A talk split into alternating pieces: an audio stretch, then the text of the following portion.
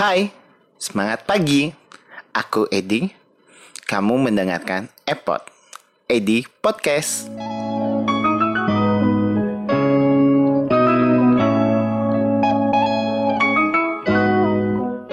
Tentang seekor monyet yang ingin menikah dengan Kaisar Dandut.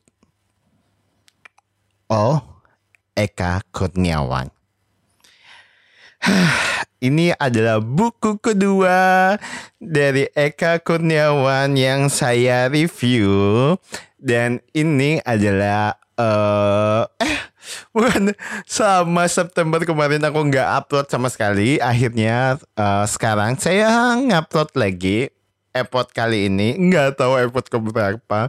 Karena emang um, lagi ada masalah sama uh, mood dan sebagainya membuat kayaknya nggak uh, bersemangat untuk ngerekam dan kayak kayak uh, mau ngerekam eh sibuk ngelakuin yang lain. Oke, daripada panjang lebar alasan mengenai saya kenapa baru kali ini upload, kita langsung aja bahas buku ini. Ini adalah salah satu menurut saya ya, ini salah satu buku yang um, terbaik yang pernah saya baca uh, karena kenapa gitu? Sebetulnya di buku Eka Kurniawan ini eh, maksudnya penulis Eka Kurniawan sendiri sebetulnya aku um, uh, kayak sebetulnya untuk uh, dia mengenal sosoknya itu kayak menurutku um, bacaannya itu enggak saya uh, bukan saya banget kayak gitu dan ketika uh, aku mencoba untuk membaca kumpulan cerpennya dan ternyata enak dan akhirnya saya pun tertarik untuk uh, membeli oh ini dan membacanya. Karena di zaman dia terbit itu oh ini uh, dapat salah satu penghargaan. Saya lupa penghargaan apa. Mungkin teman-teman boleh searching di Google ya. Uh, dan salah satu bestseller. Jadi aku makin penasaran lah untuk membaca ini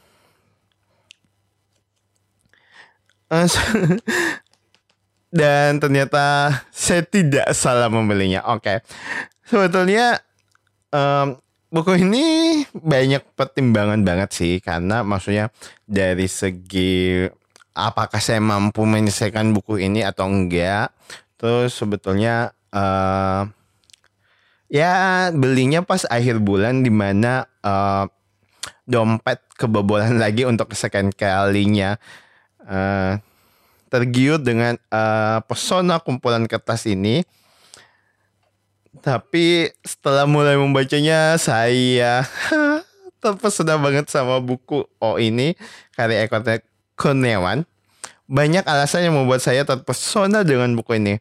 Penulis dan buku uh, termasuk uh, 10 buku terbaik di 2016 versi salah satu situs online. Buku ini terbitan 2016, tapi di beberapa toko buku sudah sulit menemukannya. Saking bestsellernya dan saking lakunya.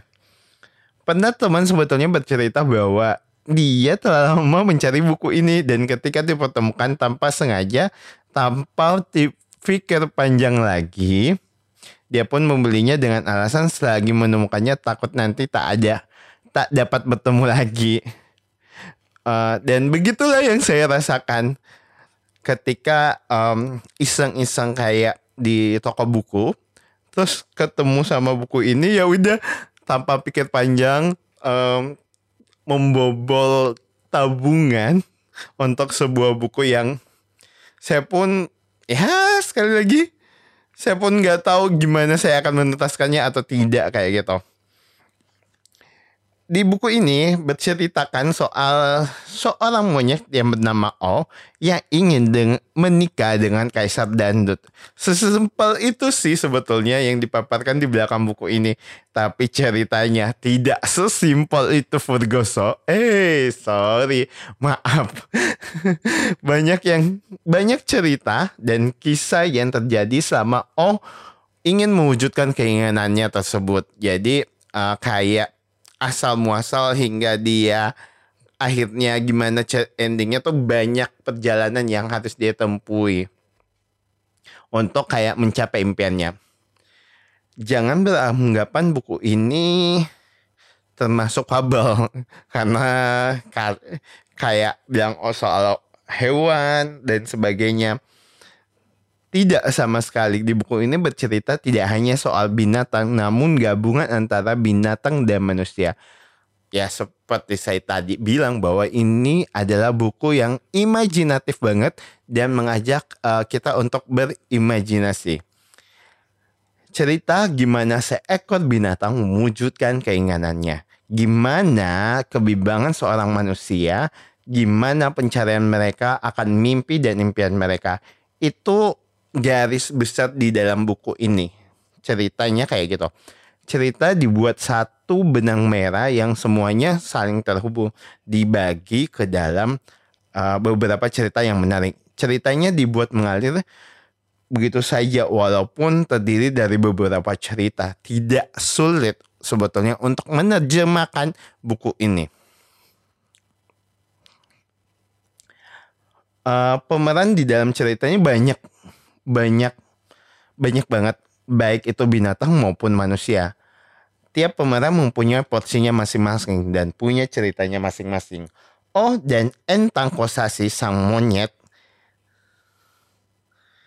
uh, kiri si anjing, uh, beta lumur si pawang, mat angin dan makungkum si pengemis, Mami Jamila si pengamen, Siti si kakak tua, Sobat si polisi, Dara gadis cantik, dan masih banyak lagi pemeran di dalam buku ini. Ada banyak karakter, uh, tiap peran diceritakan dengan detail, tapi tetap terasa mengalir ceritanya. Kayak nggak bosan aja walaupun banyak pemeran, tapi kayak uh, mereka punya porsinya masing-masing tidak lebih, tidak kurang walaupun di sini yang akan ditonjolkan adalah si O sendiri. Oke. Banyak karakter tiap peran yang diceritakan dengan detail walaupun tadi pe, kayak pemerannya itu banyak tapi diceritakan dengan detail makanya buku ini lumayan agak tebel sekitaran ya hampir 400 berapa ya 470-an lah ya. Uh, dan uh, pemeran pemer, uh, pemeran di sini dipaparkan dengan di uh, detail yang seperti saya tadi, tapi mudah kita untuk mengimajinasikannya. Kadang geli sendiri mengimajinasikan, terkadang juga mual. Sebetulnya kayak hmm, ada beberapa adegan yang kayaknya bisa membuat uh, teman-teman sekalian mual kayak gitu. Keberanian poli, uh, penulis dalam memaparkan setiap adegan membuat saya kagum. Banyak yang cerita yang tidak biasa yang saya baca di buku ini. Nanti uh, teman-teman baca sendiri hal-hal cerita apa aja sih. Tiap bab menceritakan pemerannya tapi tetap satu kesatuan. Saya sangat senang dengan bagian kelima tentang kisah si anjing kiri dan perjuangannya. Dua rasa yang ada di balik cerita ini. Terharu dengan kisah perjuangan dan latar belakang kiri. Dan mual akibat adegan yang cukup berani dipaparkan atau diceritakan ke dalam buku ini. Membayangkan adegannya Hmm, kadang kadang saya harus menahan mual agar tidak ada makanan yang keluar dari mulut saya. Saking kayak membacanya pun kita kita semakin imajinasinya sambil jalan gitu. Membaca buku ini kamu tidak akan menduga bagaimana akhirnya. Setiap orang mempunyai endingnya masing-masing. Menarik kan? Oh iya, uh, endingnya tidak dipaparkan secara ter perinci tapi itu salah satu yang saya senangi yang nggak usah mendetail banget tapi kita udah paham kayak gitu kayak semi semi gantung gitu loh kayak gitu membiarkan kita uh, sebetulnya kayak kayak ending kayak gitu membiarkan kita untuk mengambil kesimpulannya sendiri kadang aku bisa membayangkan adegan yang terjadi di sini aku salut dengan penulis karena bisa mengatur alurnya dengan baik. Jadi seakan-akan semua bertemu di satu cerita ini. Banyak himrah yang kita bisa ambil dari cerita ini. Sang penulis mungkin ingin mengajarkan kita bahwa kita pun bisa belajar dari hewan. Ambil positif dari hewan itu untuk diaplikasikan di kehidupan. Hewan dan manusia hidup di bumi agar saling menyayangi dan saling melindungi. Ini ya seperti saya tadi bilang bahwa ini buku kedua dari Eka Kurniawan yang saya baca. Inilah salah satu hal keberanian saya keluar dari zona nyaman bacaan saya sendiri. Saya terkadang suka bacaan yang buku kayak um, romantis gitu. Dan saya menganggap bahwa Eka Kurniawan salah satu penulis dengan tulisan yang uh, agak susah ya terjemahkan, bukan gender saya kayak gitu kayak filsafat bacaannya susah diterjemahkan kayak gitulah. Menurut saya saya garis bawahi ini menurut saya. Sehingga saya tidak berani membacanya.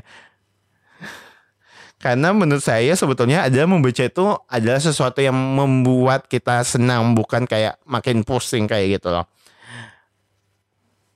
Tapi karena rasa penasaran saya sebetulnya saya pun berani membaca bukunya. Awalnya kumpulan cerpen ya yang um, pernah saya juga uh, ada di airport yaitu soal bukunya yang coret-coret di toilet.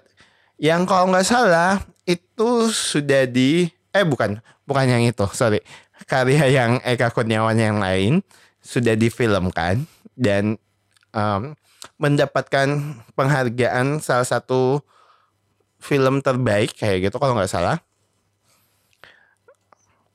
Hasilnya sebetulnya karena kayak awalnya membaca kumpulannya uh, saya merasa wow dengan tulisannya. Kemudian saya memberanikan lagi untuk membaca bukunya. Yang saya suka dari penulis ini juga karena di endingnya dia tidak membaperkan secara terperinci. Itu uh, hal yang saya sukai di ending sebetulnya. Suka banget sebetulnya Semoga bisa baca bukunya yang lain dan semoga saya lebih berani lagi untuk keluar dari zona nyaman bacaan saya sendiri. Oke, buat teman-teman boleh patut banget dibaca karya Eka Kurniawan yang ini. Oke. Sep, ini agak lama kayaknya ya epot pertama, tapi ya nggak apa-apa karena emang bukunya sebagus itu seperti biasa sebelum mengakhiri epot kali ini saya ingin membacakan quotes dari buku ini yang ada di halaman 453. Tanpa masa lalu, kau tak akan memiliki masa depan. Oh, Eka Kurniawan. Selamat membaca.